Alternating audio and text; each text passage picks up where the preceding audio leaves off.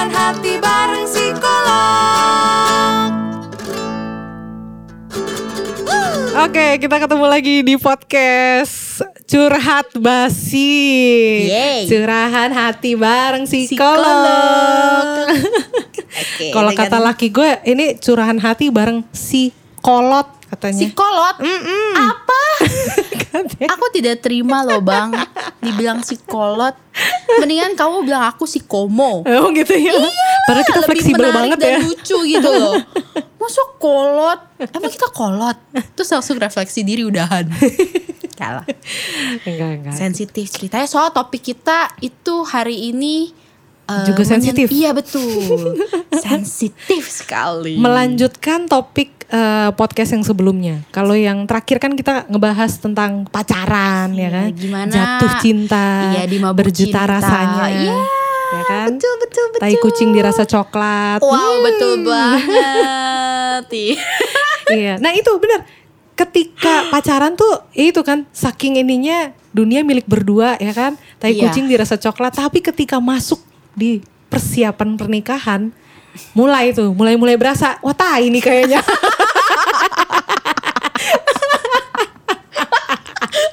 Parah Ini, ini kayaknya ini kayak mesti disensor ntar unek-unek nih. ya unek-unek yang sebelum-sebelumnya kita keluarin di sini ya Tai ini gitu Enggak, enggak, enggak. Nih maksudnya ini sih bukan mau nakut-nakutin sekali lagi. Kita Iya. kita enggak enggak hobi menakut-nakuti kok. Cuma kita tuh hobinya Memberikan menceritakan realita, yang ada Iya Betul. Dulu ya jujur waktu gue pacaran Gue ngeliat temen-temen gue pada nikah duluan kan Hmm, hmm. Mereka selalu datang ke gue Han aku stres Stres kenapa lu? Hmm. Iya pusing ngurusin nikahan. Gue bilang Setahu gue kayaknya ngurusin nikahan itu sesuatu hal yang menyenangkan deh. Lo Mm-mm. bisa Apa ya Ini saatnya untuk berkarya. Mungkin ya kalau Iya, gue iya, ya. iya, benar, Kayak Lu ngerasa gak sih setiap cewek itu punya yang namanya Impian Iya, pernikahan dream gitu. weddingnya lah ya. Yes, dream wedding yang kayak di Twilight Twilight mungkin ya. Nah, eh, ya pokoknya dulu gue ngerasa aneh ngeliat Hmm. temen gue musingin hal-hal persiapan pernikahan. Mm, Karena mungkin ya gue belum ngalamin itu ya. Ya. Jadi gue ngerasa kenapa sih lo harus pusing? Iya, terus yang gue inget ya temen gue bilang gini. Iya gue pusing nih biayanya bocor. Oh, Gue kaget. Oke. Bocor. Emang gimana? Budget gue. Sorry nih ya, eh, temen gue ini memang tipe-tipe yang eh, kalangan atas banget deh ya. Iya, iya, iya. Tapi gue nggak nyangka yang kayak dia aja tuh ternyata pusing gitu loh. Padahal eh, mungkin buat mereka money is not a big problem menurut mereka ya. Iya. Nah, yalah tajir ketemu tajir ya udah kelar gitu kan. Nah, terus dia bilang emang eh, emang kenapa bocornya gimana? Iya, soalnya gue budgetnya itu dua Hmm. dua m ya. Oh, Ya. dua ember. Gue oke. udah bilang beda nih, beda nih kasusnya sama, sama gue beda lah pokoknya. Sekarang udah bocor hampir empat. Mak. Itu bukan bocor namanya terus gue yang panik tuh sih. Bisa beli rumah tuh. Gila ya. Tapi ya ada orang yang memang mau uh, willing to pay for their wedding segitu mahalnya. Iya, ada, gitu. ada. Betul, betul.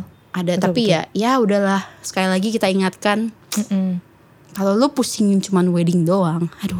Masih banyak hal lain yang ke depannya harus dipikirin lagi ya. Betul sekali. Oke. Setelah tapi gue ngerti sih, mungkin kalau kita eh enggak kalau lu belum ngalamin posisi itu, lu belum ada bayangan sama Betul. kayak gue dulu Betul. gitu loh. Awam ya. Pasti semuanya awam dan merasa satu merasa persiapan pernikahan tuh menyenangkan. Kedua, lu mau spending money on that gitu loh. Kayak level toleransi lo buat ngeluarin duit, kayaknya tuh lebih Loss. loss aja gitu loh kayak ah iyalah misalnya dekor dekor kan ya iyalah dinikmatin cuma dua jam sis gitu kan tapi itu menjadi sesuatu yang menurut lo buat gue ya kan tiap orang orientasinya beda-beda. Gue waktu itu oh gila gue gue pengen gue pokoknya pengen dekor yang bagus gitu loh. Iya, iya. nah padahal setelah lo nikah lo baru sadar gila tuh duit dekor. Ya meskipun dekor gue nggak mahal ya gue nyari yang gitu lah ya. Itu tuh duit sebenarnya bisa kalau gue tabung mungkin bisa buat biaya gue melahirkan. Yang which is itu nggak bisa lo eh, apa ya nggak bisa lo hindari gitu Iya, loh bener. atau buat nanti tabung buat anak lo sekolah gitu loh Bener. Atau Gua buat beli belum ada- rumah, Iya, beli iya, kendaraan gitu-gitu ya. Yes, Beli dah. perabotan yang kecil-kecil. Betul, betul. Itu Yang kan kecil-kecil. ya lu kan pasti butuh piring kan yang simple di rumah lu gitu loh. Atau sendok tuh lu butuh gitu loh. Mm-mm, betul, Masa betul. lo ngandalin sendok dari makanan delivery? lo kumpulin tuh gitu nggak mungkin. Nah, itu tuh memang belum belum kebayang sih. Gue paham. Iya iya iya benar-benar. Nah cuma kan eh, sebenarnya kalau kita lihat fenomenanya itu Mm-mm. persiapan pernikahan tuh bukan cuma masalah di biaya juga, Iya betul. terutama budaya pernikahan Indonesia, Setuju. di mana ketika yang menikah itu bukan cuma si cowok dan ceweknya, tetapi Bener. keluarganya. Keluarganya juga nikah. Ya, itu kan kita mempersatu. Ya. Katanya kalau pernikahan di Indonesia itu kita mempersatukan dua keluarga besar. Bener. Benar ya. Benar. Jadi eh, pasti yang pemicu stresnya tuh banyak, nggak cuma dari masalah uang doang. Setuju banget. Tuh masalah dari keluarga, nanti yang keluarga si laki maunya begini begini begini begini, ntar keluarga cewek maunya begini begini begini begini ah, gitu. iya betul. Terus gimana caranya si calon pengantin ini bisa menengahi itu? Iya, ya itu kan? berat banget sih. Terus Gila. belum lagi nanti yang undangannya, papa maunya undangan ini harus diundang. Nggak, pokoknya perkara nama. Yes. Nama undangan. Nah, yang itu juga satu bisa. maunya di atas, yang satu maunya di bawah Iya, gitu. bener. Lu jangan menganggap remeh itu ya, tapi it happens loh. Bener, bener. Dan jangan juga menganggap remeh uh, masalah pembagian undangan. Mulai generasi, ya generasi seumuran lo, itu kan mulai digital ya. Iya. Sejak gue sih juga udah mulai digital. Tapi Jadi ya, ya. kita sudah tidak sakit hati ketika kita dapat undangan bentuknya digital, bener nggak? Bahkan kadang kita suka minta, ah, lewat WhatsApp aja lah. Ribet soalnya. Ah, ah, Karena undangan itu, sorry nih, menurut gue ujung-ujungnya nanti dibuang Setuju. gitu. Gue ada nggak sih undangan yang lu simpen? Ada nggak? Gak ada kan? Ada ada yang bentuknya papan tuh buat mau gue ngipas-ngipas. Oh oke. Puji Tuhannya makanya untungnya undangan gue, gue bikin itu bentuknya kaleng supaya bisa dipakai Oh lagi. iya, lu punya juga masih ada. Nah itu, cuma kan uh, mayoritas umumnya tuh kan cuman kayak bentuk ya surat atau gimana gitu ya, yang ujung-ujungnya Iya, yang dibuang ya Bener. kan. Dan harganya juga nggak murah. Ah, ah, nah makanya akhirnya mulai beralih ke undangan digital, Digital, gitu. iya, betul. Cuman ternyata keluarga-keluarga yang udah lebih tua gitu ya, umur 50 tahunan ke atas, Yes. itu merasa tidak sopan ketika mendapatkan undangannya bentuknya digital. Betul, betul. Kok itu nggak yang benar. sih? Benar, benar, Kok nggak ini sih? Kok nggak itu? Sementara kalian mungkin mikirnya kan gue mau neken budget. Undangan digital kan Iya. lebih murah, nggak perlu pakai cetak. Benar. Nah, cuman ternyata itu bisa jadi permasalahan loh, gitu. Nah, jadi permasalahan tuh macam-macam, gak cuman masalah uang, masalah undangannya berapa, masalah gaun pengantin Masalah juga kalau gue betul. gue gue kebetulan nih keluarga gue kan eh, keturunannya Tionghoa Mm-mm. bapak gue orang Medan pula Hmm. nah asal lo tahu budaya Medan tuh wih Wadidaw. mantul gitu Kayaknya ya. Medan itu nggak harus yang Tionghoa, Medan yang pribumi Yang pun iya, sama deh gue rasa sama ya mungkin ya Sangat, sangat kan mereka ada nikah adatnya juga. Kalau Oh, belum ada juga ya? Ada. Kalau belum nikah adat itu dianggap belum sah. mampus Serius? ribet kan pokoknya ya Ribet, ribet. nah gue tuh sampai yang harus cari tanggal oke lah Oh, tanggal mungkin baik. semua eh, yang ke Jawa juga ya Ah, Jawa juga Nah, ada, iya benar-benar. bukan cuma itu tuh lu dilihat dulu nih lu sama pasangan lu keluarga lu sama keluarga pasangan lu biasa mama papanya sih Heeh. dicek nih dari show gue jadi bawa-bawa beginian kan show apa kuda Aduh, logam aduh. atau apa gitu ya terserah lu? ya dicek dulu lu Feng cocok shui banget ya? Yes. Wah, Masya Allah. Kalau dilihat cocok, eh, cocok tuh dari semuanya ya. Pokoknya dari lo hubungan pribadi sampai ke eh, apa ya namanya kesuksesan lo ya mungkin Wow. dalam berkarir lo dilihat semuanya. Jadi gue dibawa ke kayak eh, apa ya namanya tepekong gitu ya terus dibacain men. Sumpah sampai anak lo berapa aja gue dibacain. ya. Oh my Sorry God. ini ini ini agak menyimpang tapi itu gue cuman sharing Ya, sedikit ini tentang budaya ya, gue. Iya, iya, benar, benar, benar. Nah, dan itu kan sebenarnya costly ya. Lo Iya. harus ke Medan. Yang Iya, sebenarnya gue kasih tahu ya, benar. tuh buku panduannya lo bisa nyari di Glodok. tapi tapi gue waktu itu kan bilang sama mama gue, kenapa sih nggak nyarian di sini aja? Uh-uh. Soalnya ribet. Suami gue kerja, Iya. gue juga kerja. Belum dan tiket pesawatnya, saudara-saudara ya pesawat, kan? hotel segala macam. Which is Uh-uh. itu duit man Iya, gitu loh, iya, duit iya. yang menguap ibaratnya. Terus ya udah akhirnya kita gue bilang begitu terus bapak gue bilang gini, lu mau nikah nggak? Oh Pertanyaan God. as simple as that, lu mau nikah nggak? Oh my god. Eh coba kalau bapak lu udah ngomong kayak gitu, lu mau ngomong apa? Bungkam nggak? Gue yakin lu bungkam. Lo psikolog sekalipun yang congor lu itu Lu bisa pendeta Wow, sekalipun. iya. Lo gak bakal bisa menandingi bapak lu kalau dia orang Medan. Eh no offense ya, tapi menurut gue ini suatu keunikan sih. ya. Iya, iya. Eh, gue budaya, bersyukur iya. lah, iya gue bisa mengalami ini. Cuman ya ini kepercayaan dan Iya. budaya ya Iya, lagi-lagi ya. benar-benar. Pokoknya Oh. unik banget deh menurut gue. Iya benar-benar tapi ya itulah Indonesia ya maksudnya itulah Indonesia. kita nih memang kaya budaya Betul. agama suku ras jadi Betul.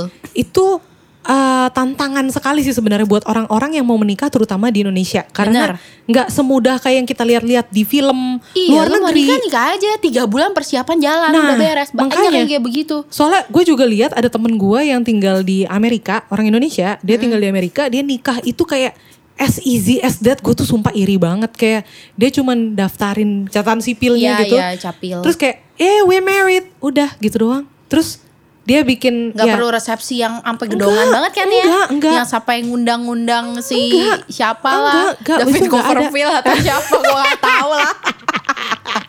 ada lah. Aduh. Tapi itu So tidak America. Iya, tapi itu tidak normal di Indonesia. Sorry, sorry. Iya. Iya kan? Sorry sorry kayak lagu Maka- suju deh. Aduh. Kan? Makanya nah, kalau lu mau kayak gitu di Indonesia, wah, Lo siap-siap perang sama keluarga lu. yes. Karena Eh, ini iya enggak tapi tapi nggak semua ya nggak Iya, semua keluarga benar-benar. tapi kita ngomong pukul Umumnya, apa ya umumnya. iya Umum, umum di karena Indonesia. dari kisah gue kisah lo kisah teman-teman dekat kita Betul, gitu rata-rata begitu kan bener banget. kayaknya nikah di Indonesia Oh. nggak sesimpel itu ya sama gue juga kok gue budget cuma berapa ujung-ujungnya harus berapa dan itu cukup stres gitu loh Mm-mm. Tuh. ya Indonesian life memang seperti itu ya guys gitu loh jadi nggak heran ya kalau misal orang-orang suka bilang ada istilahnya kan bridezilla. Iya, betul. cewek-cewek bisa berubah jadi bridezilla. Lo jadi kayak Godzilla men. Bukan Bener. karena bentuk tubuh lo yang jadi kayak Godzilla bukan. Tapi emosi lo tuh jadi kayak fluktuatif naik turun naik turun. Lo sensitif banget gak sih? Ibarat kayak disenggol bacok gitu Iya. loh Bener, bener sih. kan? Bener. kayak bener lah. Rasanya tuh udah capek mental. Capek ngurusin eh salah capek menjadi penengah. Karena maaf maaf nih biar kata yang nikah lo dan pasangan lo laki-laki ya Hmm. kita cewek dan pasangan eh, kita laki-laki itu nah tapi kayaknya yang lebih banyak eh, nanggung mental kalau gue ya ngerasa Hmm? Gue karena laki gue cenderung cuek gitu loh Oh iya, mungkin ini balik lagi ke kepribadian masing-masing sih ya. Iya. Ada yang cowoknya juga lebih stres, tapi ada memang yang Ah-ah. cowok itu mungkin terkesan lebih eh, go with the flow gitu. Iya iya iya. ya iya. udah ikutin aja flownya gimana. Tapi flow-nya mereka tuh rata-rata yang disetresin sama cowok tuh duit juga gak sih? Eh, iya pasti. Ya kan? Pasti karena kan Kayak- kalau cowok itu lebih ke pride Eh, pride-nya. Pride betul. Mm-mm. Mereka lebih pentingin kayak eh ya yang nikah ya harus cowok yang bayar padahal ya nggak mesti ya guys, nggak mesti loh, nggak mesti. Iya. Di kebudayaan kita juga ada kok yang malah harus pihak perempuan yang Oh eh, iya benar bayar benar kan? benar ada Ada, ada, ada. iya ada, Ada juga suku yang kayak seperti gitu betul. Cuman ini kan fenomena stres menyiapkan pernikahan ini nih sebenarnya cukup eh, apa ya mengganggu ya sebenarnya gitu bisa Iya. dibilang mengganggu. Eh, bahkan ada beberapa yang kasusnya tuh akhirnya nggak jadi menikah karena persiapan ini sebenarnya gitu loh. Karena udah keburu karena udah stres. capek.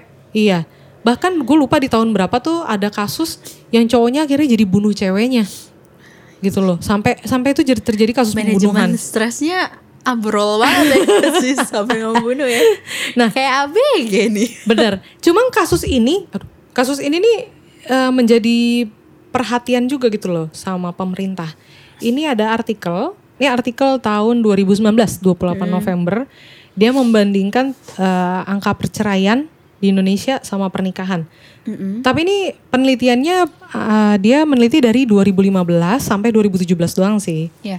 Pernikahannya itu emang tinggi, perceraiannya setiap tahun ternyata meningkat Oh, gitu. oh. Memang kalau dibandingkan tingkat pernikahan dan perceraian masih jauh banget sih. Masih apa ya pernikahan itu masih lebih yang langgengnya itu lebih banyak daripada yang cerainya kalau di Indonesia untungnya. Iya. Tetapi pertambahannya itu banyak yang bercerai. Penyebabnya apa sih? Ternyata nih setelah diteliti, ini penyebabnya nih karena Salah satunya ya. salah satunya adalah uh, faktor terbesar perceraiannya ini ternyata paling banyak tuh karena pertengkaran. Mhm. Pertengkaran tuh 43,52 persen. Masalah ekonomi itu 36,67 persen. Itu yang Ya. terbesarnya. Ketiga terbesar tuh cuma 14 persen. Itu karena kayak ditinggalin gitu aja. Sisanya itu masalah-masalah lain. Jadi ada yang masalah pindah agama, poligami, judi, cacat fisik, narkoba, dan KDRT. Itu sebenarnya di kecil ya. Iya itu ternyata malah kecil, kecil banget. Dan ini kenapa sih bisa besar di Indonesia terjadi? mak- Maksudnya meningkat karena ternyata di Indonesia ini eh, banyak yang menikah itu tanpa persiapan tanda kutip gitu. Hmm. Jadi kalau di sini Persiapan disebutnya tanda kutip tuh maksudnya apa nih? kelas pranikah. Oke. Ternyata penting ya ada kelas pranikah. Jadi semacam kelas untuk mempersiapkan masuk di dunia pernikahan. Betul, bimbingan pranikah lah. Yes, BPN bimbingan kalau pranikah. di gereja gue ngomong. Nah, memang kalau setahu gua juga di Indonesia itu beberapa agama sudah menyediakan itu, tapi dari Iya. gereja sekali lagi. Jadi eh, maksudnya dari tempat ibadah ya. Iya. Jadi mungkin lebih ke sangkut pautnya lebih ke kehidupan rohaninya nanti gimana gitu. Betul, Ada betul. ayat-ayat gitu Betul. kan. Nah, cuman Ayat-ayat cinta ya. Oh, ayat-ayat cinta. Yang dibahas tuh ya di BPN kurang lebih Mm-hmm. eh, apa ya? Gimana cara menghadapi konflik nantinya yang gue inget ya. Mm, mm, mm. Terus bagaimana menghadapi istri nanti hamil. Hmm, Lebih ke arah ke sana loh, kehidupan habis menikah. Iya. Ya, Mm, eh, kurang bukan lebih sama lah. bukan bagaimana kalian bisa menghadapi proses gunjang-ganjing sebelum nikah. Hmm. Which is itu juga perlu sebenarnya. Perlu, iya, Iya. benar. Kelas pranikah ini atau bimbingan pranikah ini tuh ternyata penting gitu. Betul, betul. Dan beberapa agama di Indonesia mungkin tidak menyediakan itu, ya kan? Mm-mm, mm-mm. Gue sih nggak tahu juga ya. Tapi kalau ada yang tahu, mungkin teman-teman boleh share juga di Instagram gue.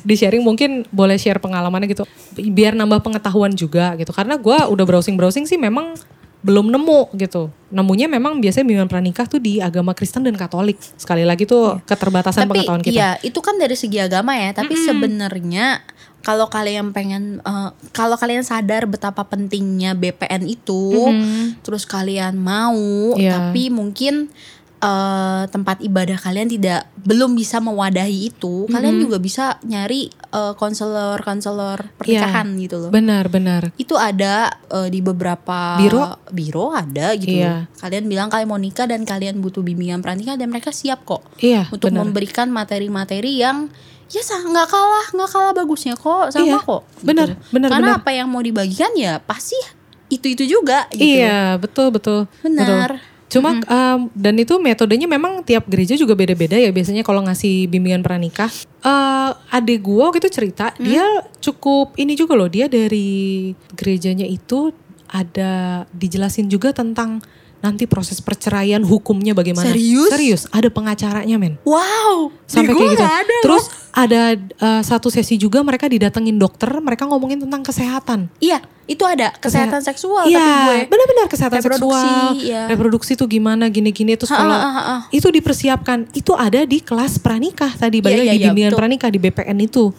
Emang kenapa sih perlu ada bimbingan pranikah ini? Emang seberapa penting nih? Ternyata, nih gue dapet eh, ada penelitiannya.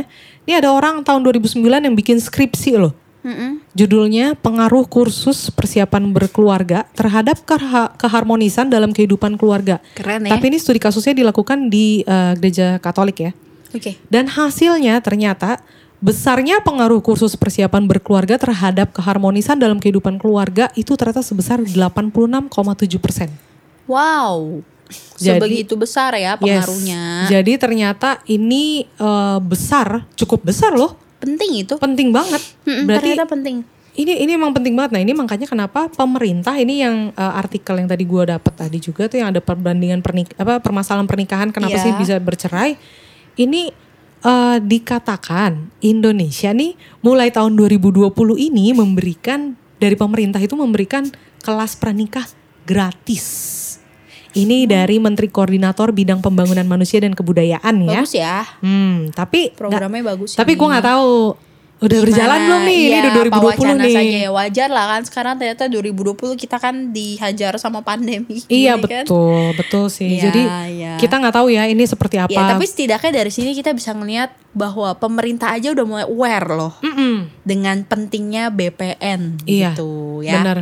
Jadi bukan yang tadi ya teman-teman ya, jangan cuman mengira persiapan pernikahan tuh sekedar menyiapkan pesta, Ya. uang, undangan. No, bukan itu, tapi jauh lebih dari itu gitu loh. Hidup lo setelah nikah Iya, itu lebih gonjang-ganjing benar, benar. dibandingkan sebelum nikah. Cuman ya kita kita sadar lah Mm-mm. dan kita sangat mengerti ya karena kita juga pernah di posisi itu. Iya. Memang lo kadang gila belum nikah aja tuh kayak berasanya tuh kayak gue pengen cepet-cepet nikah biarin kelar semuanya. Lo Mm-mm. lo kepikiran gak benar, sih kayak benar, begitu? benar. Gue juga mikir Dulu gitu. gue juga ngerasanya begitu. Aduh gue capek banget. Gue bahkan tiga hari sebelum nikah ya. Mm-mm. Gue sakit, Oh ya ampun Tuhan, sakit, karena kecapean. kecapean. Hmm. Dan gila gue badannya ngur- ngurusnya tuh bener-bener kurus banget. Mm-mm. Sampai tuh waktu gue fitting tuh pada kaget. Oh ya tuh bajunya kegedean bukan? Aduh ini gimana nih tinggal Iya, minggu iya. depan kamu jadi mengecil lagi. Jangan dikecilin lagi dong badannya. Mm-mm. Gue juga nggak mau ngecilin badan gitu loh. Iya. Giliran gue catering diet mayo, eh gue kagak kecil-kecil sis. Giliran gue nggak catering apa-apa ya gue kecilnya sampai kayak begitu. Jadi, Semua karena stres. Lu nanti mau ini lagi dietnya mau nikah lagi aja biar stres. Enggak deh kalau gitu ya. Eh, yang lain aja boleh nggak option lain gitu loh. Enggak ada yang lebih bagus biar ya. kurus. Masa nikah lagi? Sebenarnya gini, eh kalau misalnya dikatakan, wah berarti nggak bisa dong menghindari stres untuk persiapan pernikahan. Nggak Enggak bisa juga. sih. Iya, bukannya nggak bisa. Tapi Ada bisa diatasi. bisa diatasi, Iya. betul. Nggak bisa lo hindari Iya, stresnya tidak bisa dihindari, tapi bisa diatasi asal kitanya ya mau gitu Iya kan. dan kita aware ya sama Iya. stres-stresnya apa. Benar. Apa ya pokok-pokok yang membuat lo stres tuh harus list sih menurut gue. Eh, bisa juga sumber stres tuh untuk hal-hal perintilan yang nggak disangka. Contoh, waktu Hah. gue nikah di hari Sabtu, hari Rabunya gue baru sadar kalau gue belum pesan kue men. Oh ya gue ingat. Dan itu gue diingetin sama anak murid gue, Miss, undangan udah, udah, nggak baju udah, udah, makeup gimana, udah. Terus tiba-tiba anak murid gue bilang kue. Masya Allah Miss belum pesan Miss, Miss Wah, Niat gila nikah sih. gak sih Miss Kue belum dipesen Ya sabar ya Baru terus gue pesen gitu Dan lu bayangin itu, sih bener-bener seadanya kali ya. Bener-bener seadanya tinggal banget. tiga hari sih. Iya, bener-bener itu tinggal tiga hari dan setelah weddingnya selesai, itu kue pernikahan gue tinggal. Hah? Gak ada yang nyentuh, gak ada yang mau bawa pulang. Karena Real cake kan? real cake, karena kita lelah, udah capek, Iya udah sih. udah capek gitu loh.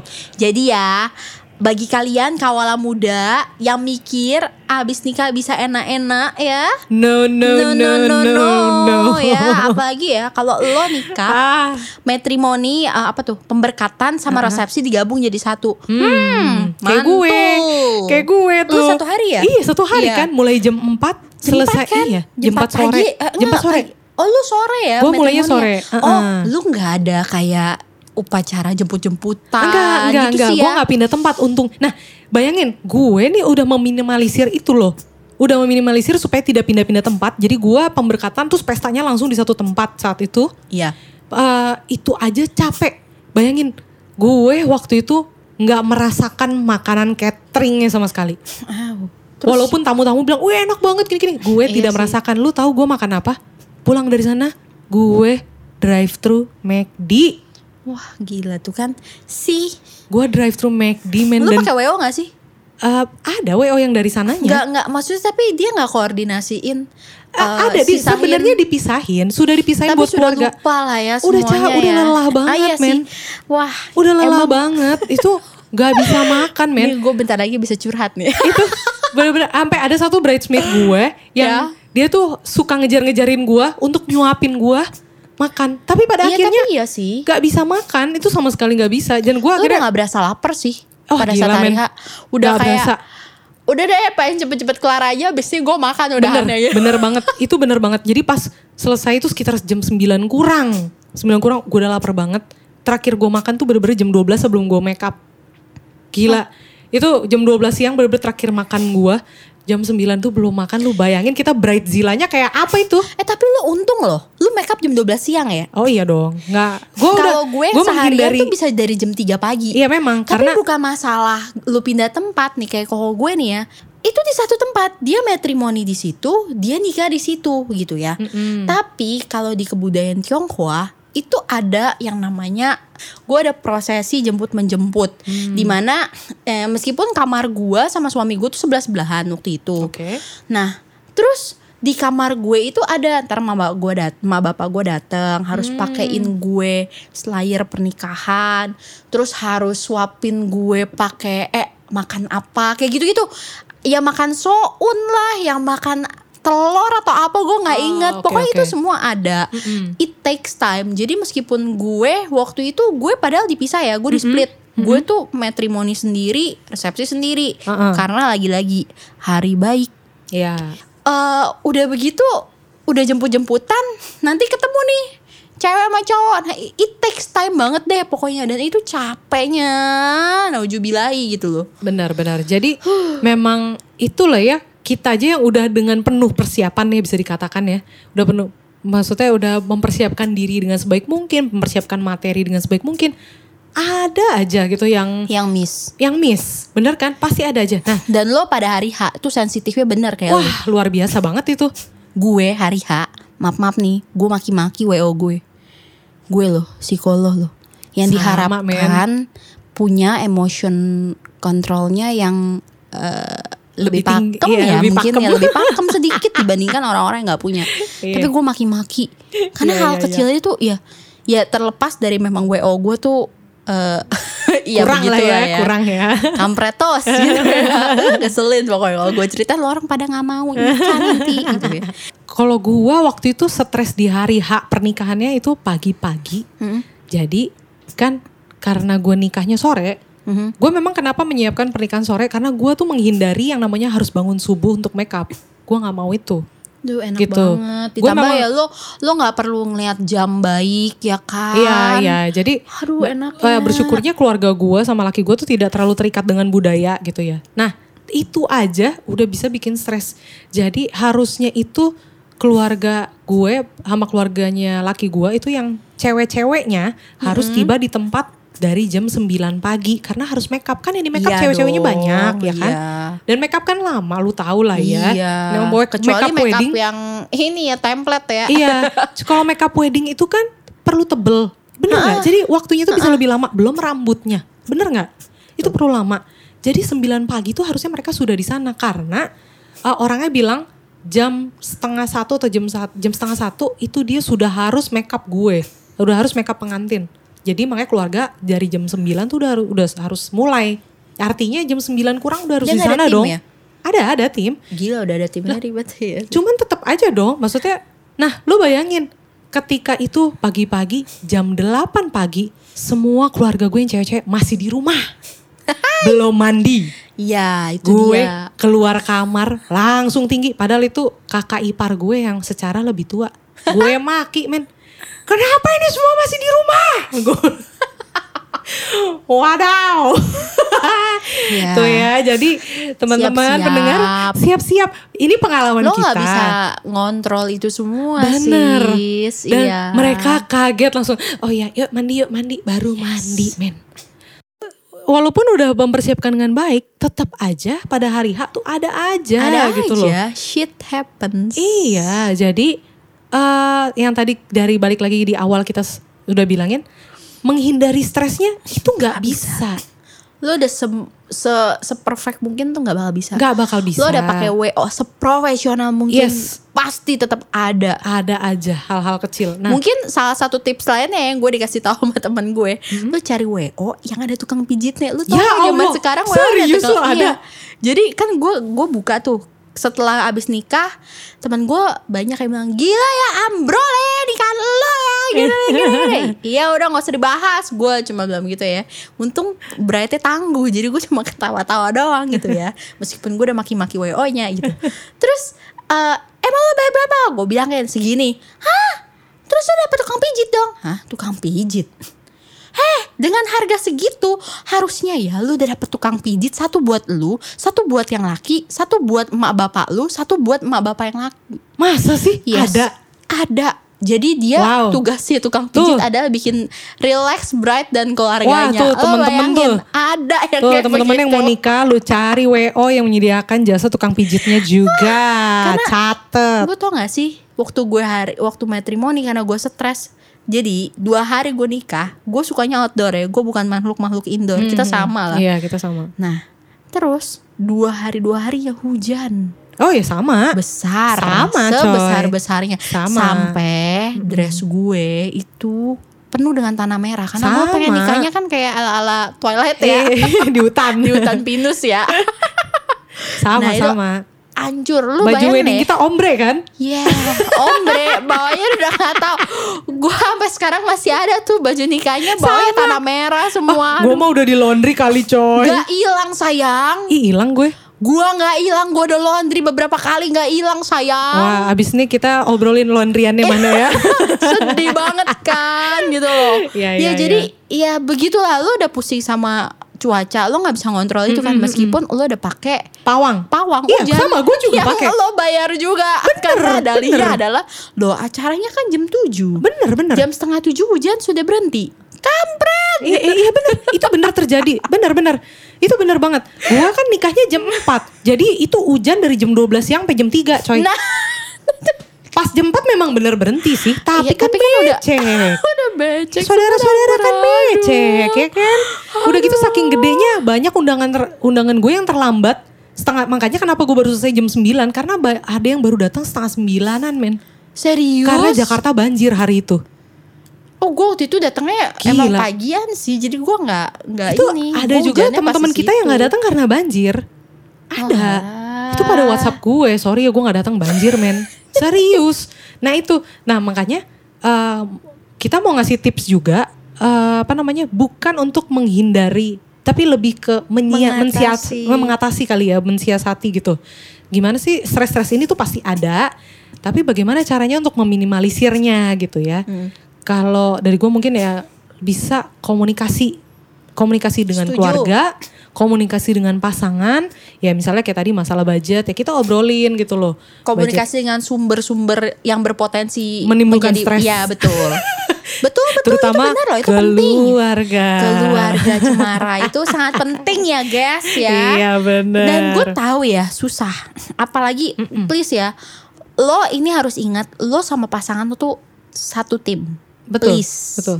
Jadi lo juga nggak bisa menekan pasangan lo atau pasangan lo juga nggak bisa menekan lo. Iya. Soalnya misalnya nih ini posisi cewek nih ya, yang ngomongin biaya harusnya cowok, Mm-mm. ya dong. Mm-mm. Tapi lo harus ngerti pasangan lo juga mungkin punya gengsi, Iya. pride sebagai laki-laki dan lain-lain dan canggung kalau mau ngomong masalah biaya sama keluarga Iya. pihak perempuan, oke? Mm-mm. Ya ini apa ya udah cross relationship ya Benar, ibaratnya ya. benar. itu nggak gampang gitu loh jadi jangan sampai eh, hubung eh, dari orang tua aja hubungan kita dengan keluarga aja udah ribet gitu loh jangan sampai ini mempengaruhi lo kayak ada kan orang yang maksa suaminya calon suaminya ya lu ngomong dong kalau misalnya memang budget lo segini ke papa mama gua Oh iya benar Ada benar. kan yang kayak ada, ada, gitu-gitu, ada, ada, gitu. ada budayanya Itu bisa. juga yang begitu soalnya. ada ya gue Ada, nggak tahu ada. ada itu itu sih gue kebayang sih gimana rasa nggak enaknya Benar, gitu benar.